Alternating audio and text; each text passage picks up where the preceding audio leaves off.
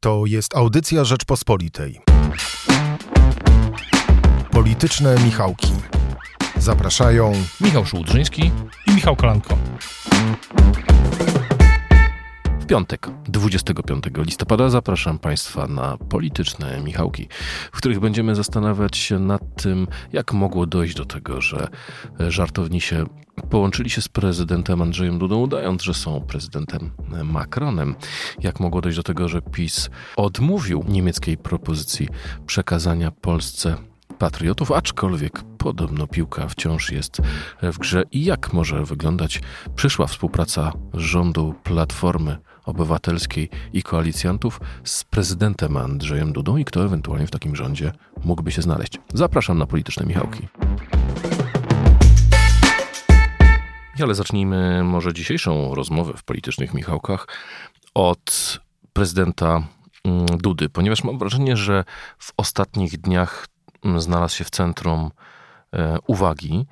Mm, e, z jednej strony to prezydent był tą osobą, która przyjęła na siebie ciężar komunikacji e, międzynarodowej w sprawie tragedii w przewodowie. To on rozmawiał z Joe Bidenem, on rozmawiał z Jensem Stoltenbergiem, no i rozmawiał z pranksterami, myśląc, że rozmawia e, z Emmanuelem e, Macronem. Tutaj zaproszę Państwa przy okazji e, na nasz siostrzany podcast Polska od ucha do ucha Roberta Górskiego i Mariusza Cieślika, w którym zastanawiali się, jak długo pranksterom zajęło zorientowanie się, że rozmawiają z prawdziwym polskim prezydentem. No i wreszcie mamy prezydenta Andrzeja Dudę w powiedzmy pewnym napięciu wobec MONU po decyzji E, no de facto odmowie przyjęcia ukraińskich, przyjęcia niemieckich patriotów. E, MON chce je wysłać na Ukrainę. Niemcy powiedzieli, że to niemożliwe. Zacznijmy od tego pierwszego. Jak masz wrażenie, mm, co nam mówi o prezydencie zarówno to, jak rozgrywał kryzys w zeszłym tygodniu, jak zachowywał się w tym kryzysie, jak również to, czego się dowiedzieliśmy w tym tygodniu, czyli że w samym środku tego kryzysu ktoś połączył głowę państwa z żartownisiami udającymi Emmanuela Macrona. Przede wszystkim zgodzę się z tezą, że rzeczywiście prezydent Duda w ostatnich dniach, tygodniach jest w centrum uwagi i na dobre, i na złe. Jeszcze z tych, z tych wydarzeń, o których mówiłeś, jeszcze można dodać jedno, powołanie tej rady do spraw przysz nauki. Przyszłości, tak. Przyszłości nauki. nauki, w której nie było ani jednej kobiety, co wywołało, wywołało od razu błyskawiczną reakcję Donalda Tuska. No jest tak chyba w piłce nożnej, że niewykorzystana okazja się mszczoła. Donald Tusk raczej z marnowania okazji nie jest znany, więc błyskawiczny tweet. E, no i później poszły podobne komentarze ze strony innych polityków, polityczek e, opozycji. Jeśli chodzi o ten sposób komunikacji wokół przewodowa, to myślę, że mm, ten, to, co się działo po e, tej pierwszej fazie kryzysu, umownie do posiedzenia Rady Ministrów, do tego pierwszego, mm, bardziej już oficjalnego komunikatu, to wszystko... Rady Ministrów, w sensie RBN-u, tak? RBN-u i Rady Ministrów. E, e, później, to myślę, że to później ta wizyta w przewodowie, ten komunikat e, dotyczący, mm, dotyczący też prezydenta Zełońskiego, taka próba niezaogniania sytuacji na, na linii polsko-ukraińskiej, chyba w dzisiejszych warunkach wojennych rozsądna, nawet jeśli wewnętrznie są poważne zastrzeżenia co do polityki prezydenta Zełońskiego, to ja się nie dziwię, że prezydent Duda dążył do tego, żeby w jakimś sensie tłumaczyć tamtą komunikację, oskarżenia Rosji natychmiastowe o to, że to nie jest, że to jest rosyjska rakieta, tak y, zaraz przecież taki był komunikat ze strony ukraińskiej.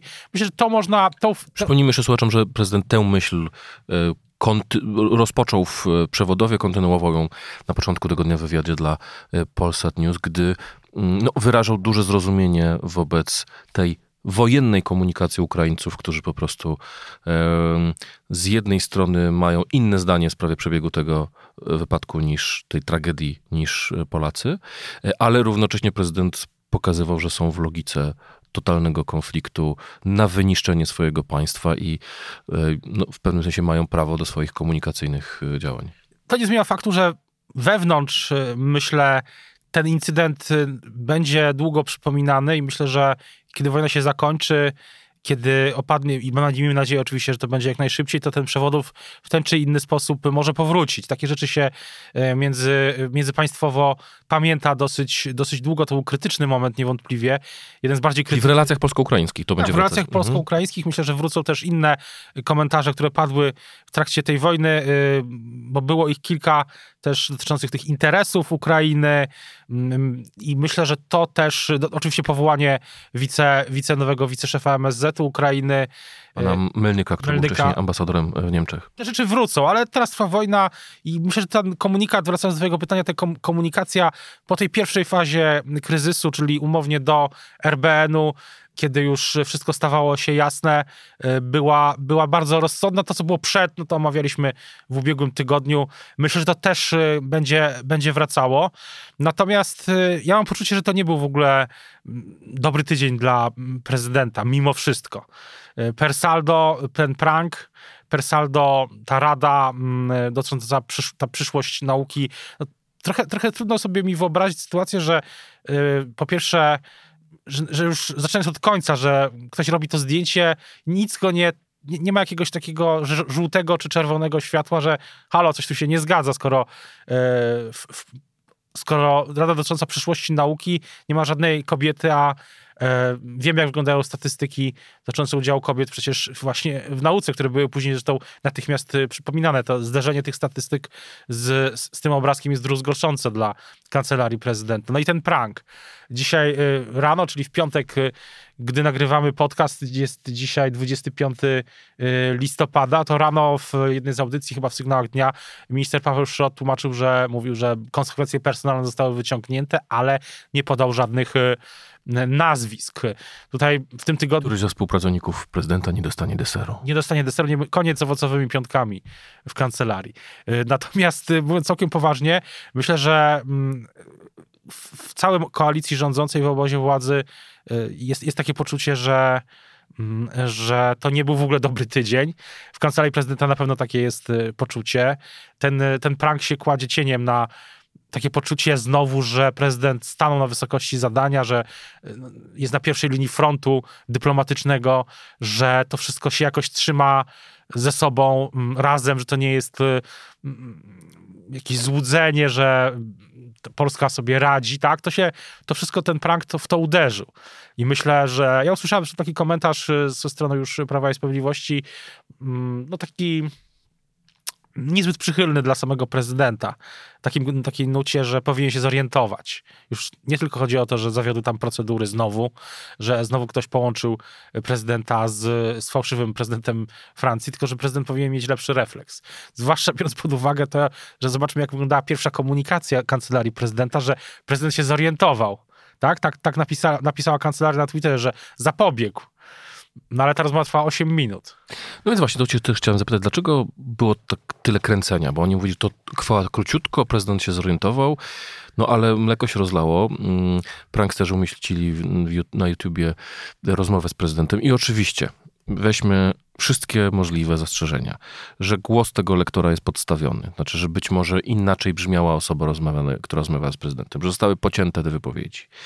Yy, też słyszałem takie tłumaczenie, że prezydent się zorientował, bo jego rozmówca powiedział coś, z czego wynikało, że wcale nie jest e, w Indonezji na szczycie G20, a prezydent wiedział, że jest tam Emmanuel Macron i wtedy zaczął się orientować o co chodzi. E, No tak, tylko że to mamy 7 minut właściwie w większości wypowiedzi prezydenta Dudy, w związku z tym ta rozmowa, jeżeli była pocięta, to znaczy, że trw- trwała jeszcze dłużej.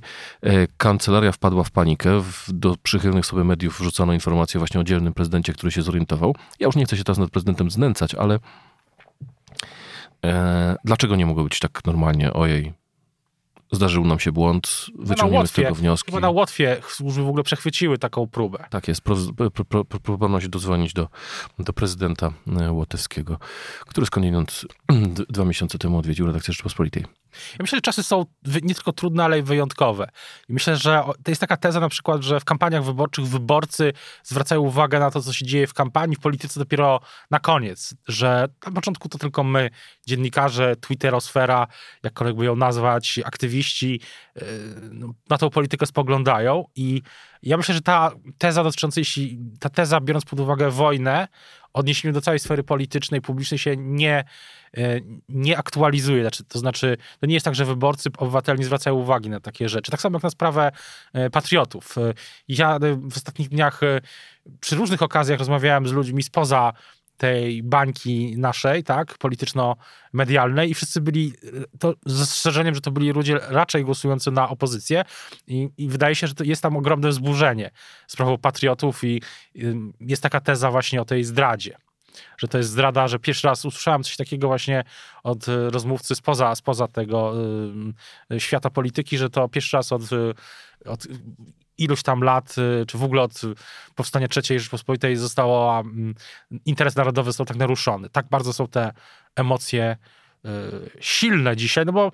No, Jędrzej Bielecki, nasz kolega redakcyjny Rzeczpospolitej, pisze na pierwszej stronie, że dotychczas PiS jednak nie stawiał bezpieczeństwa Polski, militarnego bezpieczeństwa Polski, nie stawiał na szali mm, kwestii y, czysto polityki wewnętrznej i że tym razem złamał tę zasadę. I tym, jest też, i tym oczywiście jest prezydent Duda, który wydaje się, i on i jego doradcy wydają się tak troszeczkę, wydaje się, że jest pewnego rodzaju, jak to mówiłby, powiedziałby Jarosław Kaczyński, absmak albo konsternacja. I wydaje się, że kancelaria prezydenta próbuje dzisiaj, jesteśmy właśnie w piątek, 25 listopada, no komunikować, że ta oferta dalej jest aktualna. Tak samo zresztą niektórzy ministrowie czy wiceministrowie z rządu Prawa i Sprawiedliwości, e, z rządu premiera Morawieckiego, wiceminister Przydacz, takie mam wrażenie, też komunikuje troszeczkę inaczej. Rozmawiałem niedawno e, na antenie News 24 z rzecznikiem MSZ-u, z, z Łukaszem Jasiną, który sugerował, czy, czy mówił, że sprawa patriotów nie jest jeszcze zamknięta. Mm, wydaje się, że jest e, rozdźwięk w samym, w samym obozie rządzącym. Już nawet nie mówię między prezydentem a szefem MON, ale w samym obozie rządzącym widać, że, że ci bardziej umiarkowani politycy, e, ci gołębie, gołębie, zwłaszcza e, ci, którzy są kojarzeni też częściowo z, z tym obozem premiera Morawieckiego, inaczej to chyba widzą niż MON. Ale premier Morawiecki sam pytany przed wylotem na szczyt Grupy Wyszehradzkiej pojechał narracją powiedziałbym kaczyńsko-błaszczakową, czyli przypomnijmy, w środę okazał się wywiad Jarosława Kaczyńskiego, który powiedział, że trzeba te patrioty wysłać do, e, na Ukrainę. E, następnie zaproponował to oficjalnie Mariusz Błaszczak kilka godzin po wywiadzie Kaczyńskiego, wysyłając zarówno pismo do Berlina, jak i komunikując to na Twitterze. No, premier Morawiecki bronił tej decyzji Mariusza Błaszczaka, co moim zdaniem raczej pokazało, że e, chce tutaj zapunktować u prezesa Kaczyńskiego, a nie myśli w kategoriach bezpieczeństwa państwa. No może to jest też tak, że premier Morawiecki chce zapunktować, bo stracił parę punktów ze względu na Śląsk. Ale wróćmy jeszcze na chwilę do, do prezydenta, bo myślę, że interesujące jest też to, że w praktyce, tak sobie pomyślałem wczoraj, jak przeczytałem mm, tekst Michała Wróblewskiego na Wirtualnej Polsce, który jako pierwszy chyba napisał o tym, e, tym tle tej, tej sprawy. Rozdźwięku pomiędzy Pałacem Prezydenckim tak, tym, a Monem. To mm, y, pomyślałem sobie, że w praktyce, i to jest bardzo paradoksalne, mm, w praktyce y, paradoksalne lub nie, prezydent Duda nie ma tu specjalnego pola manewru, no bo on jest wierzchnikiem sił zbrojnych, no ale politykę bezpieczeństwa i zagraniczną prowadzi, prowadzi rząd. I prezydent może nawet nie może specjalnie wezwać Mariusza Błaszczaka na dywanik, no bo nie jest jego przełożonym, może go zaprosi na spotkanie. Nie, nie zdziwiłbym się, gdyby taki, taki ruch został wykonany, tak? Ale tak naprawdę prezydent to może skonsternować się. Jego doradcy mogą powiedzieć, że mogą sugerować, że ta oferta jest dalej na stole, albo że on chciałby, żeby te patrioty broniły polskiego nieba. No, a z drugiej strony może niewiele w praktyce. Chciałem Cię jeszcze zapytać o taką rzecz, dlatego że mam wrażenie, mówiłeś o tym, jak te patrioty budzą niezwykle dużo emocji w bańce twitterowej, ale tak samo było... wyborców opozycji. Wśród wyborców opozycji, ale tak samo było z kwestią, e, z kwestią oceny działań rządu po e, katastrofie, w, po tragedii w Przewodowie. Tymczasem badanie, które publikowaliśmy Ibrisu w Rzeczpospolitej pokazywało, że Polacy e, raczej dobrze, czy zdecydowanie dobrze oceniają działanie rządu. Nawet w przypadku wyborców opozycji było to 40 parę do 30 paru, czyli więcej jednak, nawet wśród, wśród wyborców opozycji było osób, które pozytywnie oceniały reakcję polskiego rządu na, na, tą, na tą sytuację. I mam wrażenie teraz podobnej sytuacji z tymi pranksterami, to znaczy mm, opozycja, mm, czy związani z opozycją ko komentatorzy, tacy najwięksi harcownicy na Twitterze, mm, również pełniący funkcje polityczne, e, niezwykle mocno tutaj prezydenta za to mm, atakują. I no tak jak się zgodziliśmy, proceduralnie jest to kwestia absolutnie nie do obrony. Ja się tylko zastanawiam, czy opozycja ma interes w tym, żeby zapisywać Dudę do obozu totalnych nieudaczników z PiSu i kleić go z PiSem, czy raczej właśnie grać na te sytuacje, które Dudę z PiSem dzielą, a takich spraw jednak jest sporo. Znaczy w kwestii sądownictwa e, Ziobro się wspiera z Dudą, e, ale generalnie Dudzie kierunek zmian proponowanych przez PiS się podoba, y, ale jeśli chodzi o kwestie właśnie bezpieczeństwa, Lex TVN i tak dalej, no to Duda zachowuje się tutaj bardziej autonomicznie. Jak, jak, jaka twoim zdaniem powinna być tutaj y, strategia, czy jaka strategia jest w interesie opozycji? Czy, w interesie... czy właśnie walenie w Dudę i te, te podśmiechujki, które może mogliśmy obserwować w tym tygodniu, czy też takie podejście jest jaki jest, ale raczej trzeba grać tutaj na, na, te, na te kwestie, które go dzielą z pisem. Są dwie sprawy. Jedna to jest, i do niej może przejdziemy później, potencjalna kohabitacja opozycji z prezydentem, która może być, może się różnie rozegrać, jeśli do niej oczywiście dojdzie, bo dzisiaj y, oczywiście o wyniku wyborów nie wiemy absolutnie nic. Natomiast y, druga rzecz jest ta bezpośrednia taktyka polityczna i strategia na najbliższe 11 miesięcy. Ja myślę, że na opozycji, opozycji powinno zależeć na tym, żeby te różnice między prezydentem a, a Prawem i Sprawiedliwością były jak największe. Żeby ten, e, żeby ten podział był jak największy, żeby wzmacniać autonomię prezydenta. I myślę, że takie zapisy, sklejanie go z pisem nie ma żadnego sensu, bo mm, nic opozycja tym nie zyskuje, w sensie to działa pewnie tylko na jej elektorat, tak?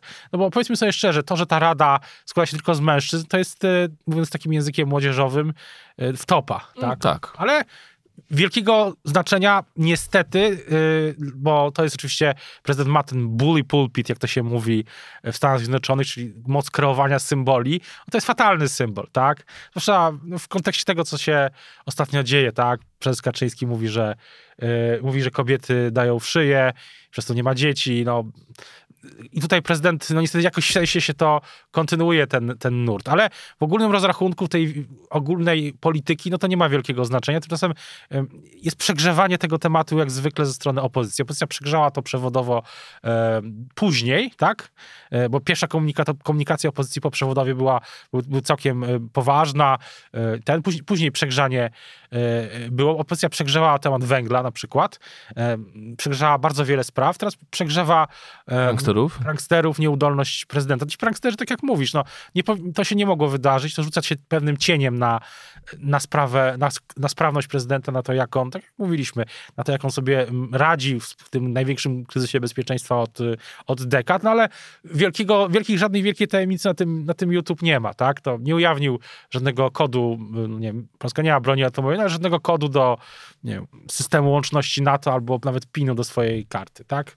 No, nic wielkiego się nie stało. Będzie za, za tydzień nie będziemy o tym pamiętać, prawdopodobnie. Bo, bo ja mam wrażenie, że problemem z strategią opozycji jest to, że jeżeli dzisiaj ciosa prezydentowi, czasem słusznie, czasem niesłusznie, kołki na głowie e, wyśmiewa i tak dalej, ale jutro Duda stanie w konflikcie z Błaszczakiem o patrioty i opozycja będzie musiała wtedy prezydenta poprzeć. W związku z tym ciężko poprzeć kogoś, kogo się jeszcze dzień wcześniej nazwał totalnym nieudacznikiem, e, katastrofą i tak dalej, i tak dalej. No i tutaj nieustannie wracają e, te, te argumenty, no ale właściwie on nie jest legalnym prezydentem, wybory nie odbyły się w konstytucyjnym terminie.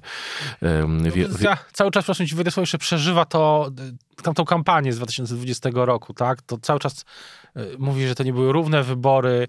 No, zgoda, była asymetryczna przewaga, no obozu rządowego, pamiętamy te słynne SMS-y, alert RCB, trzeba iść na wybory. To jest, jest asymetria. Opozycja miała wtedy, Trzaskowski miał podgórkę, ale dwa lata, temu, dwa lata później przypominanie tego cały czas, ja mam już po prostu poczucie, że to jest tak jakby y, opozycja, czy nawet sami, sami liderzy czasami y, no, przeżywają to jak jakąś taką, y, jak, przeżywają to jak jak nieudaną miłość e, w, w liceum, jakby cały czas mieli złamane serce. Tymczasem nowa kampania już, już trwa.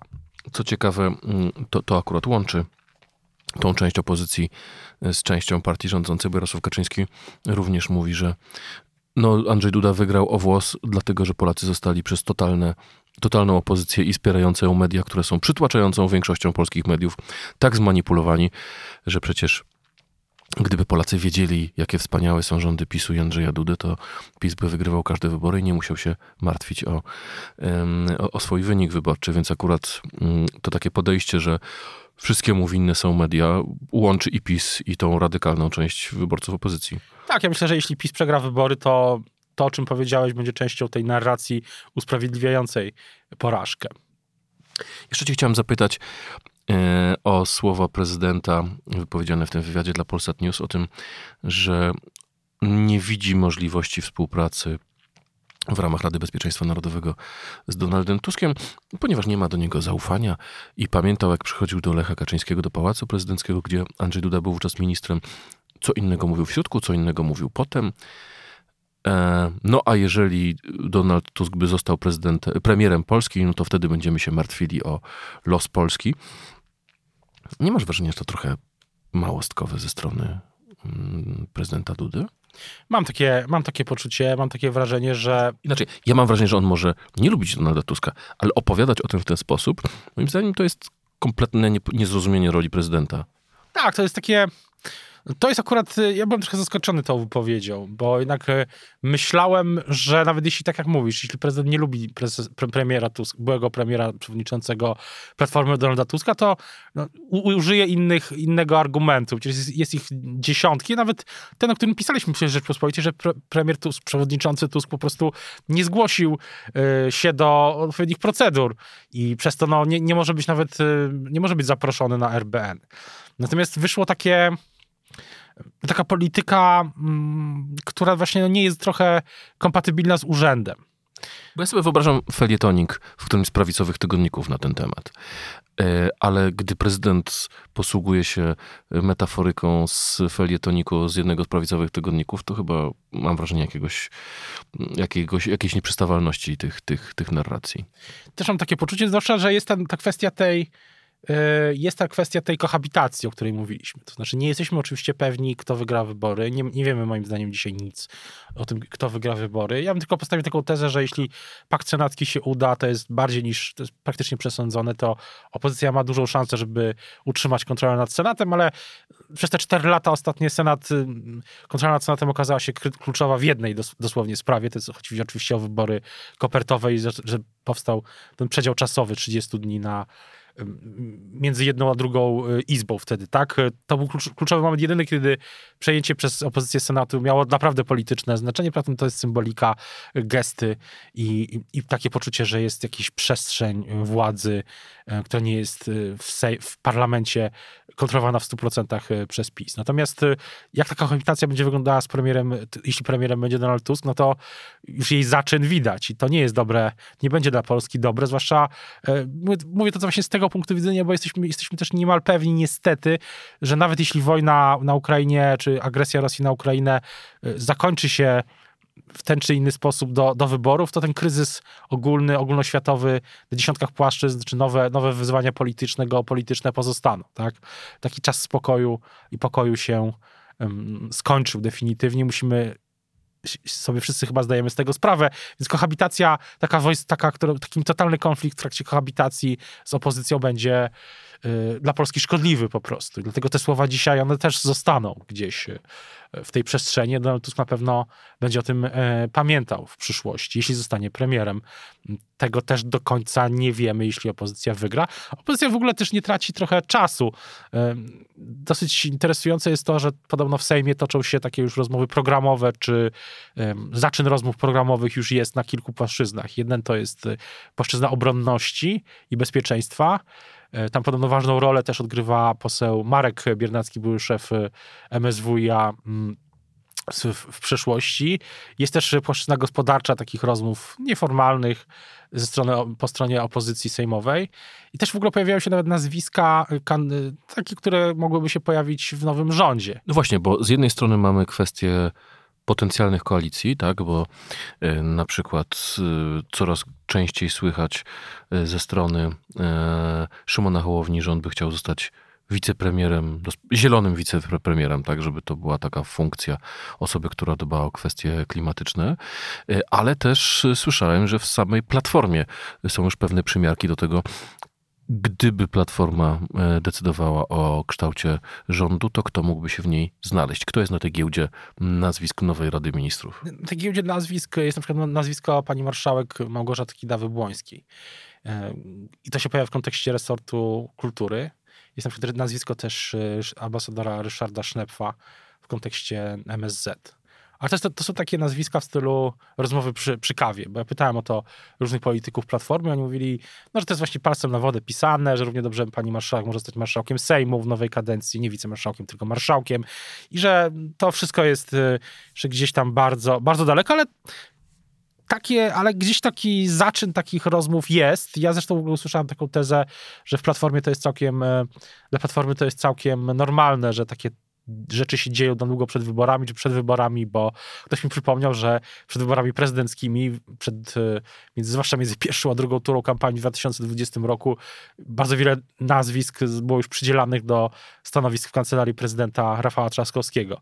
Wiem, jak to się skończyło. No, ale to tylko nazwiska to, można świadczyło się, o, o wierze w zwycięstwo. No, nazwiskami można się... Ja myślę, że sztab Trzaskowskiego do końca w zwycięstwo wierzył w 2020 roku. Dlatego też e, na przykład nie pojechał Trzaskowski na ten na, tą, na debatę w Końskich, bo uznano, że e, szkoda marnować tego impetu, który miał mieć, że tak się wyrażę.